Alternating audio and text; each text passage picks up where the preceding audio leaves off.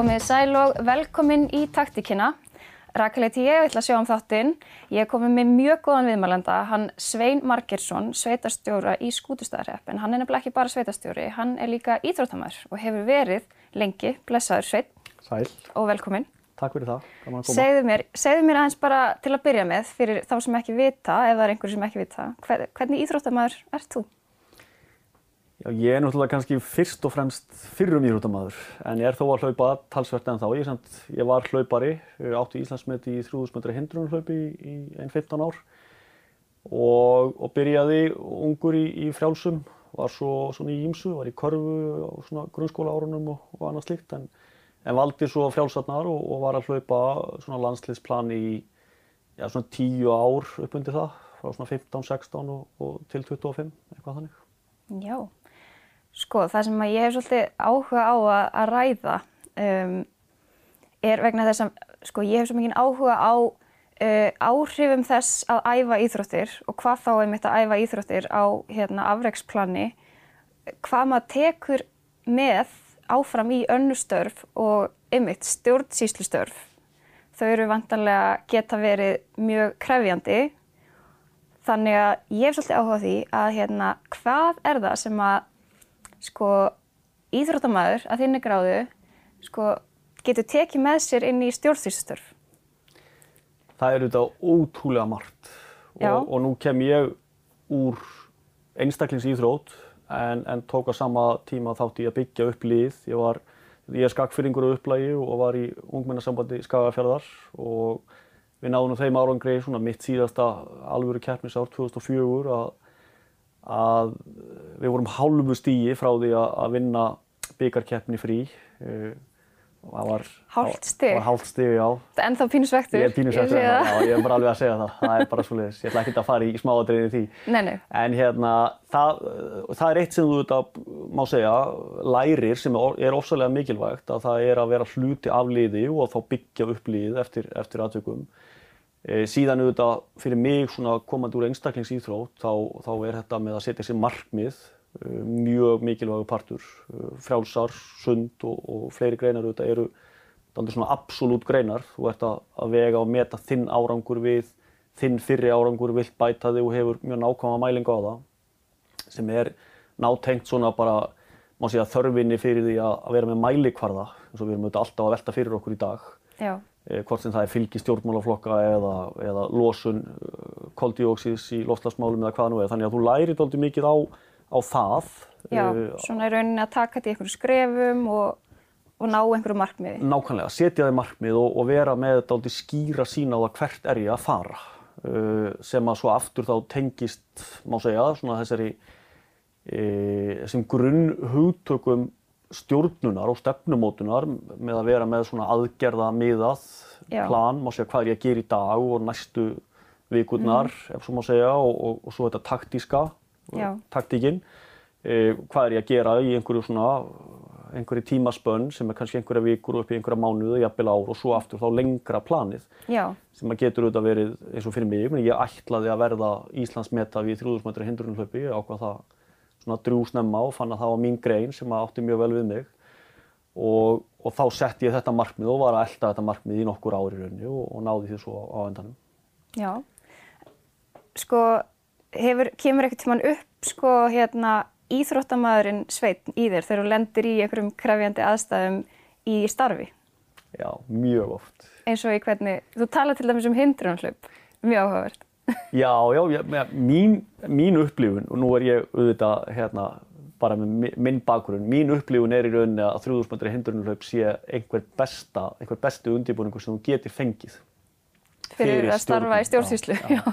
já stjórnsýslu og stjórnun, og stjórnun má segja yfirleitt sko. Ég, ég var auðvitað fórstjóri Matís í, í 8 ár, eftir um neða 30 því ég verði fórstjóri þar og, og þú ert alltaf að fást við, má segja, sko, ég séu afskaplega fáir stjórnendur sem að ná að fara í gegnum einhvers konar feril, hvort sem það er, eru markmiðum hagnaði eða, eða samfélagslega áhrif eða eitthvað slíkt á þess að komi hindranir á leiðinni.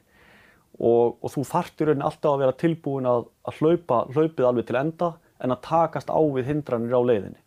Og það getur verið það að þér er ítt til hliðar, rétt áður hún kemur á vaskrifunni, svo er það bara að takast á í vaskrifuna, það klikkar afstökkið af, af búkanum og þú lendir dýbra en þú ætlaðir og fleira og þarna þarftu bara að vera tilbúin að, að má segja, horfa alltaf á markmiðið Já. en að takast á við þessar svona aðstæður, svona taktísku aðstæður má segja sem koma, koma upp. Sko. Já, svona greina það sem að gerist, hvað get ég gert og hugsa svolítið lustna miða veintalega.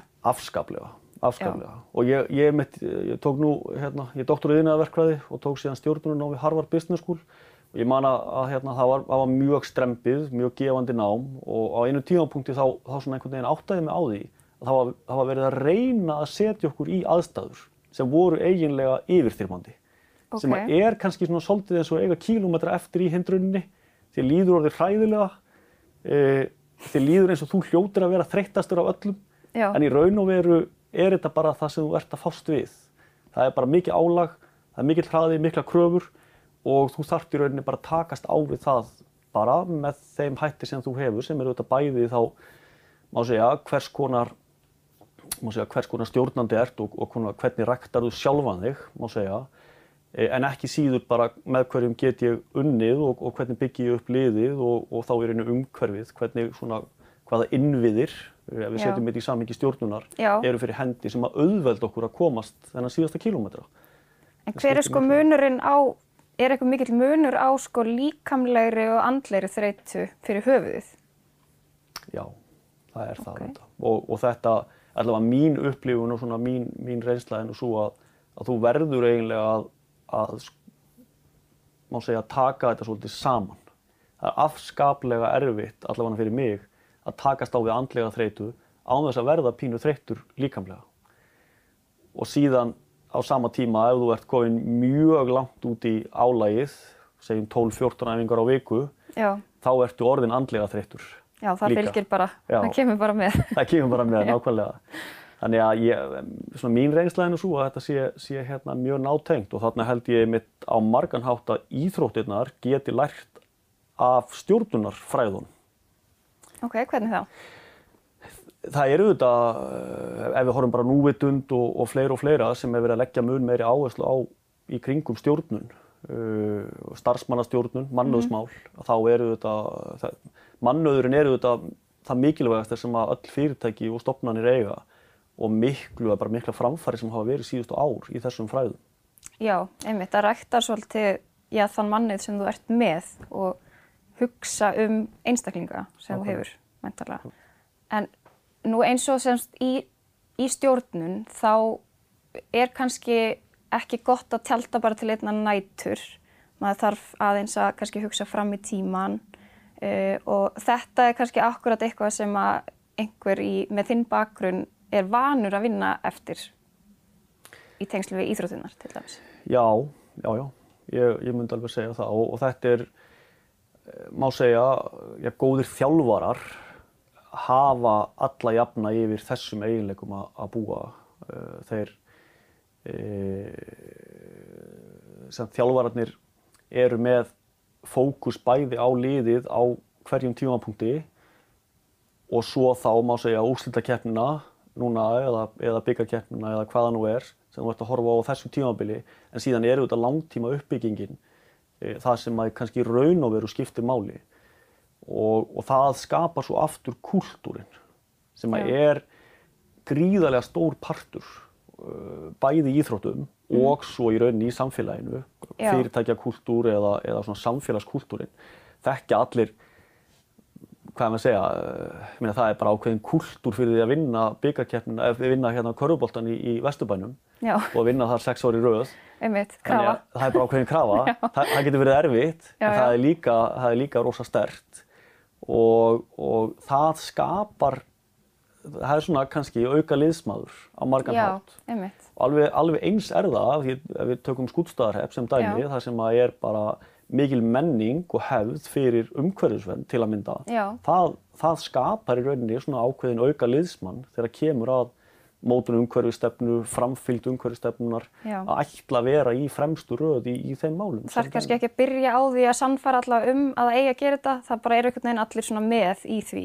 Nákvæmlega, markmiðið er alveg skýrt, það er að Já. vera í fremstu röð þarna, Já. alveg eins og að verða bara byggamestari eða hvaða Mhm. nú er.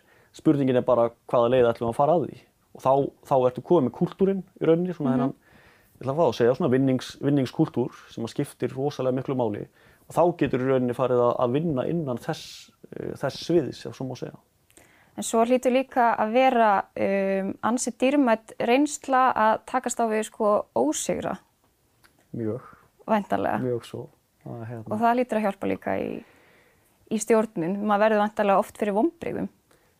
Já, ég myndi segja að svona, takandi aftur hindrunarhlaupi sem dæmi, ég, ég hef farið í gegnum það að hætta í, í hindrunarhlaupi, ég hef farið í gegnum að detta, uh, reka hnið í og, og geta valla gengið tveimur dögum fyrir keppni, en þurfa samt að keppa og, og þetta er mjög mikilvægt og, og ég segi nú oft sko það mikilvægast sem að læri í rauninni er að detta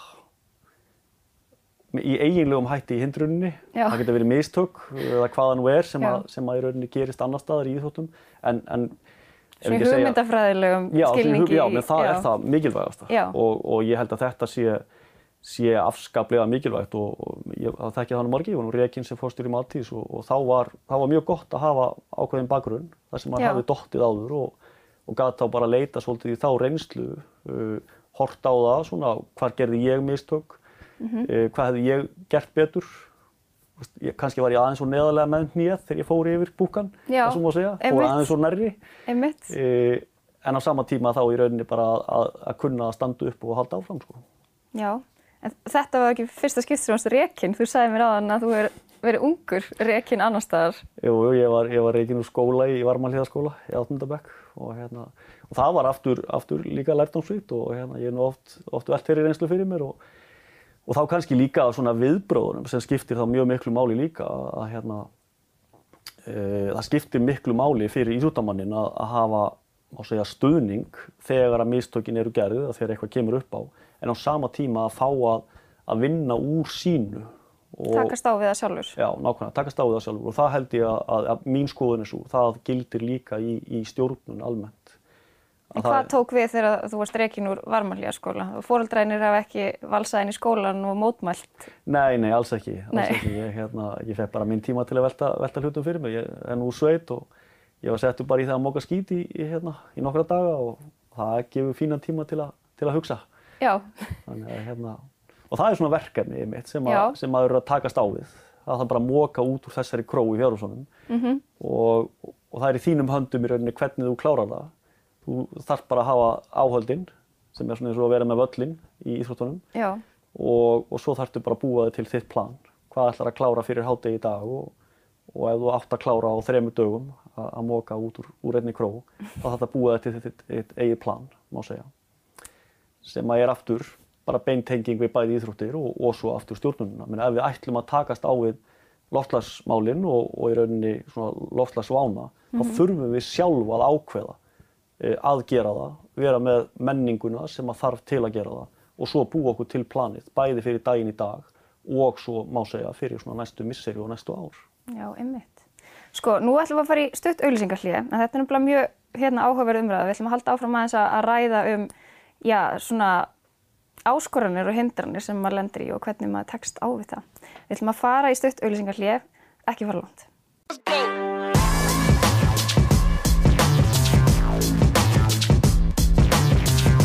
Velkomin aftur í taktikina. Ég meðan Svein Margesson hjá mér, uh, sveitarstjóra í Skútustæðarhepp og íþróttamann. Svein, við ætlum að halda áfram að tala um, já, svona samþætti, getur maður sagt samþætti? Já, eða samþættingum og segja. Samþættingu á milli, sko, íþróttaðiðkunar á frekar háu leveli og stjórnsýslu og stjórnun. Og við vorum enda við að tala um, sko, að maður læri mest af kannski mistökunum, bæði sem íþróttamæður og, já, bara manneskja. Já, já, mað, maður gerir það. Allavega maður læri mjög mikið af þeim. Það þarf auðvitað að bæði að kunna að, vinna og tapa og, og það er eitthvað sem maður fær úr íþróttum.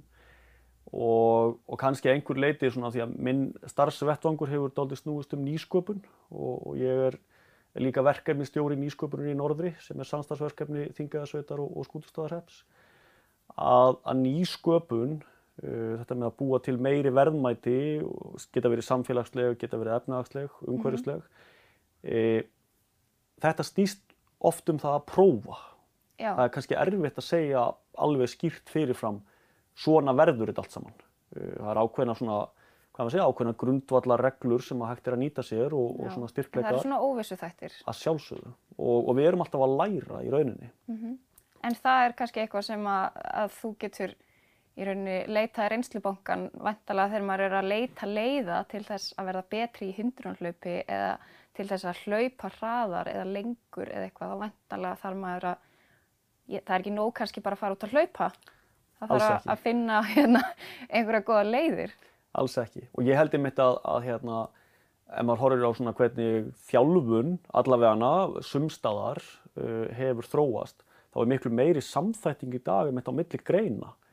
Mikið um það að menn sé að taka, segjum, styrtarþjálfunum, mitt úr frálsíðutum inn í, inn í boltagreinar, ímiskonar, e, fimmleika þjálfun, uh, má segja, og byrjar kannski þar. Já. Það er svo aftur, er svo aftur í rauninni oft svona ferill uh, frumkvöðursins, að þú byrjar kannski á einum stað og, og færir þið svo yfir í, yfir í annað og þá með reynsluna úr öðrum geirum og þetta er á margan hátt svona ákveðin forsenda fyrir uppbyggingu ringrásar hagkerfisins sem Já. að við erum mjög upptekin af í, í Þingaðarsveit og, og skútstæðarheppi. Við finna svona nýjar tengingar og, Já, og nýta, hluti betur, öðruvísi, já. nýta betur það sem við, má segja, erum með. Mm Staðreyndin er auðvitað svo að, að meni, íslensku landbúnaður flytur inn meirinn 100.000 tonn af, af fóðri til að nýta í, í sem aðföng í dag, önnur kannski 50.000 tonna áburði. Við erum daldið að spyrja spurningarinnar með allt þetta landrými sem við erum með. Hvaða tækifæri höfum við til þess að í rauninni framleiða meira í héraði, þá bæði af matvöru en líka aðföngunum sem þarf til að framleiða. Og þetta er kannski einhver leiti bara eins og að vera íþjóttamaður í, ef maður segja, takmarkaðri aðstöðu. Já, Það er ekki alltaf hægt að flytja inn þjálfaran eða flytja inn alla aðstöðuna sem þú vilt nýta þér. Heldur verður það að nýta það sem þú ert með bara heima hjá þér. já, Öðlast þekkingu sem er auðvitað orðið miklu, miklu auðveldara heldur en það var. Lesa þið til um, um þjálfunina og fara á, á hérna, sundnámskeið á netinu eða Já, hvað já, nú er sem fólk gerir. einmitt. Þannig að, að þarna aftur, allavega ég hef, hef nýtt mér minn svona bakgrunn og reynslu úr, úr íþróttum daldið inn í, inn í þennan geira. Já, og svo líka einmitt það sem að, hérna, við höfum rætt er að, að stundum að sjá sko, það sem að öðrum geti þótt vera eintómar áskoranir að kannski horfa á einhverjum öðrum augum og sjá það sem styrkleika. Nákvæmlega, nákvæmlega. Það Já. lítur að nýtast bara hvar sem er. Það gerir það auðvitað og, og þetta er nú, þetta er nú hérna, ef við tökum bara einmitt frálsíðutir, uh, ég vona að hlaupa, hlaupa mývast marathónuna eða hál, hálmarathón þar fyrir skömmu síðan, ansi kvast. Já, Uh, okkur fórst bara hálft. já, bara ef ekki að segja ég er marathónið inni, takið það á ári. Ok, En, en í hringklaupunum þá ertu auðvitað alltaf að byrja og enda á sama staði, eða svo gott sem. Og, og þá skiptir auðvitað vindurinn miklu máli. Og það er hægt að mæta á staðinn ef það er einhver góla og hugsa, oh, þetta verður ekki gott, það er alltaf kvast í dag. En þú getur líka hort þannig á það að það eru allir eiga við þetta. Og Já. það er bara spurning hvernig þú allir eru að nýta þér uh, þessa áskorun sem tækifæri fyrir þig. Og aftur ef ég færi mig yfir í, í loftslagsmálinn, svo vorum við að ræða hérna áðan, þá held ég að skipti rosalega miklu máli í rauninni fyrir landmikil sveitafélög eins og skútstaðarhepp og mm -hmm. að horfa dálítið til þess hvað tækifæri felast í því að vera í fararbrotti í loftslagsmálum. Við vitum að, að stærsti hluti losunar á Íslandi er frá landi. Við vitum líka að stærsti, stærstu bindingamöguleikarnir á koldioksíði eða kólefni er, er í landi. Þannig að ég held við eigum að, að horfa dálítið á þetta svona skilgreina okkar fullt af tækifæri. möguleikum að hafa fullt af landi, vantarlega. Algjörlega. Þetta er eins og að vera með kannski mjög stóran, öflugan íþróttavöll. uh, mögulega vantar einhverja inn í liðið, mögulega vantar þjálfara, uh, mögulega vantar að skilgreina, má segja, okkar styrkleika og, og í rauninni trú á okkar styrkleika í liðinu. Uh, það er ekki sjálfgefið að þurfi allir að spila sömu vörnina eða, eða sömu sóknina. Nei, einmitt. Þetta hérna hlýtur að sko vera, oft er held ég erfitt í stjórnun og stjórnsýslu að hugsa í sko tækifærum og möguleikum. Er fólk ekki kannski oft mikið að hengja sig í áskorunar og það sem er erfitt og það sem þarf að yfirstíga. Ég get alveg ímyndað mér að það sé erfitt. Maður er oft takmarkaður af já, fjármunum, maður er takmarkaður af kjörtímabili eða einhverju slíku. Hvernig tekst maður á við það? Ég er nú þetta kannski ekki með eitt, eitt svar í þeim efnum Nei, nei. og ég er, ég er nýgræðingur í sjálfu sér í, í sveitastjórnarmálunum sem Já. slíkum. En, en mín reynsla eh, svona af öðrum vettvangi og það sem ég hef séð í, í þessum geira er, er kannski, ef maður dreifur þetta saman á mjög einfaldan hátt, þá snýst þetta um í fyrsta lagi hverjir er í liðinu Já, og hvaða svona kultúr skaparðu í liðinu. Uh, Jim Collins orðar þetta sko Who's on the bus, svona í, í hérna, Já. svona biblíu stjórnunar, má segja, hérna, From Good to Great bókinni. úr hverju hefur að móða. Í raun og veru og þá Já. í rauninni hvernig byggir þú upp liðið og, og þá í rauninni ef þú ert ekki með öflugan kantmann, hvað er alltaf að fá hann? Já, Það snýst líka um það. eða hvernig býrðu til öflugan kantmann úr einhverjum sem þú Nákvæmlega, hefur. nákvæmlega, sem er í rauninni, sko, má segja, strategíski hlutin. Já. Mögulega vantar þið einhvern í liði núna sem verður svo aftur fyrirmynd fyrir unga leikmannin síðar, Já, sem að er þá einhvers konar taktískur hluti og svo í strategíu nálguninni þá ertu komið með öflugan, má segja, heimamann sem þú rektaðir upp bara frá grunni, sem að þekkir aðstæðunar, hefur kultúrin og, og stiður við hann. En þetta er eitt, nummer tvö, það eru gögn. Og þetta er auðvitað eitthvað sem að, sem að íþróttunna hafa nýtt sér í miklu, miklu meira mæli. NBA er rosa gott dæmi. já, svona statistík í rauninni. Statistík, bara Já. statistík, statistík. Þetta er bara það sem við verðum að byggja ákvarðanir á. Mhm. uh, við getum talað um hversu margir kílómetrar eru af, af, hérna, af vegum í, í þingæðasveit sem er ekki bundnir, eða með bundnum slítlagi. Við þurfum að vita þetta og þá getum við tekist á við það í rauninni, breytt í rauninni, breytt myndinni. Uh, hvernig þá aftur til að tengja saman, nýtum við þá vegi sem eru fyrir hendi til þess að, að segja að minka fjarlæðir, búa til tækifæri. Og, og þá kannski enda með því að við förum að spila bara út á þryggjastega skipturnar en ekki að keira alltaf inn, í, inn undir körfuna Nei, nei, eins og. NBA hefur í rauninni breyst. E, en til þess að taka þá ákvörðun, þá þarf fólk að geta tekið rökræðuna, já, og vera með eitthvað til að styðjast við. nákvæmlega. Þannig að Já. rétta teimið, nægileg gögn og þá að sapna þeim og byggja þau upp og síðan í rauninni að taka góða rökræðu um það hvaða leið ætlum við að fara. Og þetta er einmitt eitt sem að ég hef verið pínur hrifin af eins og inn í, í Míðasveit eða skúlstaðarheppi. Það er fólk bara tilbúið að taka rökræðu um hlutina og Það er enginn sem er bara, þetta er alltaf verið gert svona. Burt með ykkur. auðvitað koma slík sjónamið upp að eðlilega og það eru ákveðin sjónamið en það er ekki einu sjónamiðin sem eru til umræðu. Nei, Það er alveg eins í rauninni ef við horfum á íþróttunar að, að það er ekki sjálfgefið að þú eigir að hlaupa bara nákvæmlega eins og, eins og Satopek hljóp hérna fyrir hálfri öll síðan. nei. Það er alveg ljóst. Í fyrsta lagi ert þú ekki hann og í öðru lagi þá kannski getur þú eitthvað sem hann ekki getur. Algjörlega og breyttir tímar og minna auðvitað tæknin hefur breytt gríðarlega miklu. Eh, Sjáum í rauninni að við horfum til að marathónið. Það Já. hefði engum dottið í hug fyrir 30 árum síðan að það væri hægt að hlaupa marathón á undir tveimur klukkutímum. Nei, einmitt, þú veist, með þessa breytu sem þú heldur að geti aldrei orðið önnur en síðan gerist kannski eitthvað. Ég man til þess mjög vel eftir því að þegar ég spilaði fótbolta, ég er svolítið alin upp hjá Þór, uh, Þór Káa og til að byrja með þegar ég var upp í meistaraflokk, þá var eiginlega bara flestar ferðir sem við fórum að keppa voru bara til þess að tapa. Við vissum bara að við værum að fara til þess að tapa. Það, þetta var einhvern veginn bara, þú veist, við vorum að tapa kannski 7-0, þú veist, 10-0 eitthvað fyrir, þú veist, þessum stóru liðum fyrir sunnan, þú veist, Breiðablík og KR og Val og þessum liðum og maður var einhvern veginn bara svona, svo lítill, bara fór bara pínu lítill suður og kom ennþá minni heim, sko.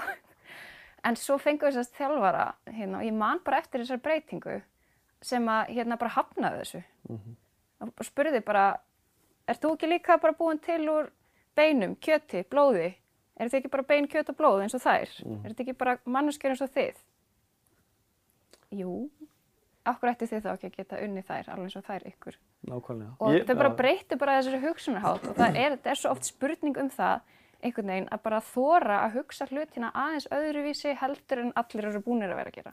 Algjörlega, algjörlega og í rauninni sko, ég geti sagt mjög svipaða sögu, það er hérna, það er nú svona fjölskylda, fjölskylda frá ökrum í, í Skagafyrði sem að, að, að öðrum ólastöðum eigi nú stóran part í, svona mínum bakgrunni, má segja sem íþjóttamanni, Já, e, Gunnar Sigursson frá ökrum sem að býr nú þar ennþá og hann, hann er í rauninni svona fyrsti þjálfarinn minn, má segja, Mhm. og það er ekki fyrir en kannski ég er orðin 13-14 uh, ára gamall og, og síðan síðan tekur gísli, bróður hans við og, og fjölskyldan svona mikið í tengslum við þetta.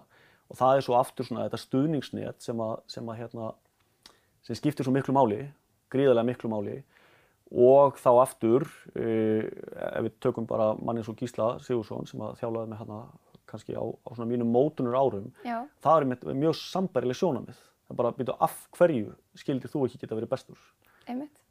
uh, sem að skiptir rosalega miklu máli og þá aftur ef við setjum þetta í samhengi stjórnunar það er ekki sjálfgefið í dag að stærðar hagkvæmni sé, séu yfirburðir í rauninni fram yfir samþætta uh, svona, hvað við segja, samþætt fyrirtæki sem að nýta sína staðbundu styrkleika. Það Já. er bara alls ekki sjálfgefið og það er mjög áhugavert til að mynda að skoða ef við horfum á, á lista yfir tíu stærstu fyrirtæki heims uh, svona 2007-2008 eitthvað sluðis og berum hann saman við tíu stærstu fyrirtæki heims 2017-2018 ég man ekki þessi, ártúru nákvæmlega Nei, minn er að séu þrjú fyrirtæki sem eru á báðum listum sem er á báðanlistum, já.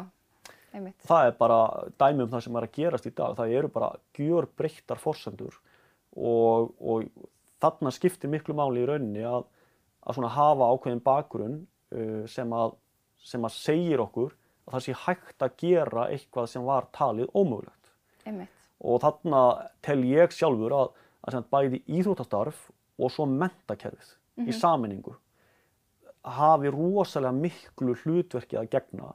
Að einhverju leiti að kenna er ég orðið það rétt sko, þetta hljóma ekki hræðilega en að það er að kenna fólki pínu að vera óhlýðið. Já, en á sama tíma Að að láta reyka úr skólan. ég er ekki að mæla, mæla með því endilega. Nei, er en, en, Er hérna, en svona pínu kannski að, að, eh, að svona skora þess að hólm Já, e, það sem að við teljum að sé sjálfgefið. Þessi hugsun. gaggrinni hugsun, nákvæmlega. Og ekki bara gaggrinni hugsun, heldur að gera eitthvað í því og það kemur íþróttamegin svo stert þú prófar nýju æfinguna lætur, bara, lætur bara vaða ferði í sexveikna prógram með nýja veist, nýju nálguninni og sérð hvort þú komið sterkar út. Já, en sko rótin að þessu öllu, bæði sko íþróttum og þá öðru, uh, það er þá í rauninni, þú, þú setur þau markmið þú ætlar að ná okkur um árangri, en sko hvaðan samt kemur þessi, þetta dræf að maður vilji ná ykkurt? Er þetta einhver eiginleiki sem að ekki allir hafa eða er þetta eitthvað sem að, þú veist, fólk getur bara sagt, ok, hvernig nennir þú að vera í íþróttum? Þú veist, þetta er svo mikið vesen, þú, þú getur ekki hugsað um neitt annað og, og þú ert alltaf að leggja þau svo mikið fram og hérna, þú gæti bara verið þú veist, heima hjá þér og haft það kósi. En hvaðan kemur svona dræf að ná árangri, að setja sér markmið, er þetta bara eðli fólks eða er þetta bara einhverju nokkri sem hafa þetta? þetta hefur náttúrulega verið skoðað daldið og ég hef svo sem ekkert öll svörunarna en Nei. svona mín upplifun og ég myndi vilja svara þessu þannig að þetta er, þetta er blanda. Já, það hafa þetta allir e, og, og allt umhverfi getur skapað þetta. Síðan eru þetta mismunandi sterkir, má segja, hvað maður segja, nánast erðafræðilegi þættir í þessu og það eru líka missterkir umhverfislegi þættir og síðan blöndum við þessu saman og það er kúltúrin. Þannig að kúltúrin eða svona menningin skiptir alveg rosalega miklu máli. Skamma ég barnið fyrir að gera mistök frá upphafi eða segi ég, þetta er allt í lagi, nú bara lögum við þetta og, og stöndum upp að nýju. Og ég er nú oft grínast með það, sko, ég segja að 90% af þeirri heimsbyggi sem þú þarft að læra, eh, hana er að finna í Christopher Nolan Batman myndunum, sko. Já, Þetta með, sko, veist, af hverju dettum við, eh, það er bara til að geta staðið upp aftur? Já, það er svo margt, margt í því í rauninni. Og svona að horfast í augu við veikleika sína í raun og þá að takast á við þá í rauninni e, vinna bæði með veikleikana og styrkleikana og skilgrina svolítið í rauninni hvað ætla ég að vera að gera. En það lítur líka að vera svolítið mikilvæg partur af þessu því það er mjög einfalt þegar maður dettur að kenna bara einhverju öðru um en vantarlega er það líkilatrið í þessu eins og þú talar um að líta sér nær. Hvað gerði ég vittlaust ég er að reyna að kenna barninu mínu þetta núna. Ef hann lappar á hurð þá er það hurðin að kenna. Þannig að þú veist, við erum ennþá að vinna í þessu. En, en þú veist, þetta er líka svolítið eðli fólks að vilja kenna öðrum um þegar illa gengur. Já, já, ég hef gert það alveg öruglega Já, flestir hafa örugglega gert það. Það er engin spurning og, og hérna, ég nú, ég er nú síðasti maðurinn til að halda því fram að ég, ég sé bara með þetta sko, enga veginn, það er alveg ljóst mál. En, en þetta er svona mín nálgun svolítið á, á þessa hluti og, og ég held að, að sé geysilega margt í rauninni sem að, hvað maður segja, til að takast á við þessar stóru áskoranir sem við stöndum frammið fyrir, þá þurfum við að horfa á styrkleika á mismunandi svæðum, hjá mismunandi fólki, taka fagnandi í rauninni í fjölbreytileikanum uh, og vinna í rauninni með uh, skólakerfið og íþrótta samfélagið okkar sem eru rosalega uh, hvað við segja, sterkir innviðir fyrir Já. hendi á Íslandi öllu. og mikilvægt vantarlega að halda þeim í rauninni gangandi með því að vera stöðugt að fá nýjar hugmyndir og uppfæra og aðlast. Algjörlega, og hlusta á notandan. Það Já. er auðvitað eitt sem að má segja í samhengi nýsköpunar hefur breyst mikið. Áður var það dálítið þannig að við sögðum fólki hvað það vantaði. Já, einmitt. Alveg dag mjög er- auðvelt af því það var bara kannski ein sjónvarstöð. Svolítið svo liðið, það má segja það. En, en, hérna, en ég reyna að hlusta á notandan og, og reyna að taka eins mikið svona af e, þessari eftirspurnar drifnu þróun Já, inn eins og mögulegt Bregðast er. við breytingum í samfélaginu. Já, bæði rauninni horfa þá til, má segja, hvert eru hlutin að fara, hvers konar svona stórar breytingar eru að verða og það eru þetta eru, má segja, tækni framfæri reitt, síðan eru þetta öldrun samfélagsins að hafa gríðarlega mikil áhrif, loftslagsbreytingarnar, þetta eru svona þessi þrjú svona gríðarlega mik mikilvægu viðfangsefni sem við Já. erum að fást við og, og það þarf held ég að, að horfa til styrkleikana sem við erum með, sem felast meðal annars í íþjóttstarfi, felast í mentakerfinu og svo bara sterkum kultúr eins og ég nefndi áðan í, í skútustöðarheppi og víðar að sjálfsögðu að vilja nýta hlutina sem best, byggja upp okkar svona hringrásar hagkerfi. Og þannig erum við ekki bara í rauninni að stuðla að má segja betra samfélagi og, og efnahagslegum vexti heldur líka að gera okkur sko, við erum að minka áhættuna fyrir einstakann bónda og fyrir samfélagið. Því að, að aftur ef ég tek dæmi sem ég nefndi áðan e, að ef við ætlum að flytja jafn mikið inn af, af fóðri og við erum að gera þá erum við bara ósæðlega háð verðsveiflum á, á hráðurumörkuðum og þess vegna skiptir svo sem það er ekki bara spurning um það í rauninni að horfa við getum vaksið með því að nálgast hlutina með þessum aðferðum heldur getum við líka minkað áhættu fyrir okkur öll Já, stundum er kannski bara hægt að vera í win-win. þannig þarf það helst að vera, Já. það er engin spurning Já, þetta er nú allt spurning um að vinna, er það ekki? Er ekki skemmtilegast? Jú, það skiptir máli að vinna. Ég, ég er allavega þeirra skoðunar. Já. Ég get alveg viðkjönt að aðrir geta að sjálfsögðu verið, an, verið annara skoðunar. Hérna, en, en já, fyrir mig hefur það alltaf skipt ákveðnum máli. Ekki endilega að vinna, hvað við segja, andstæðingir innan Nei, gerðslapa. ekki endilega að fá metalífuna. heldur Nei, bara- heldur að, minna, í fyrsta lagi að upplifa að þú hafir gert það sem að þú svona gast eða ætlaðir þér, Já, gera betur en þú gerðir áður. Og byggt á einhverjum rökum. Algjörlega. Og það er einhver grunnur undir þessu öll saman. Þetta er bara fín lokhorð, við erum náttúrulega búin að tala of lengi saman, en það er allt í lagi. Takk fyrir kærlega að koma, þetta er náttúrulega bara mjög skemmtileg umræða og það er gaman að sjá svona tengingar á svona jafn, já, ólíkum hlutum eins og maður myndi kannski halda að hindrunar og langklaup og já, það að vera sveitarstjóri. En greinilega margt sem að þú geta nýttir. Engin spurning. Takk fyrir mig kjærlega. Takk kærlega. Þá verður þátturinn ekki lengri að sinni. Mér langar að minna á að það er alltaf hægt að horfa á taktíkina á N4 safninu hjá Sjónvarpi Símans, N4 Sjónvarp Facebook síðinu okkar og heimasíðinu n4.is. Verið sæl.